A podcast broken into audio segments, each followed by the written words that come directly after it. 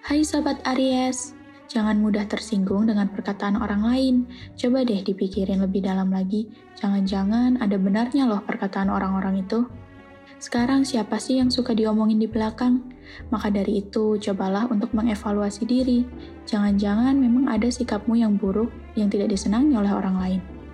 Percintaan untuk Aries Lovebird. Minggu ini adalah minggu penuh cinta, tidak ada hal buruk yang mengusik kemesraanmu dengan si dia.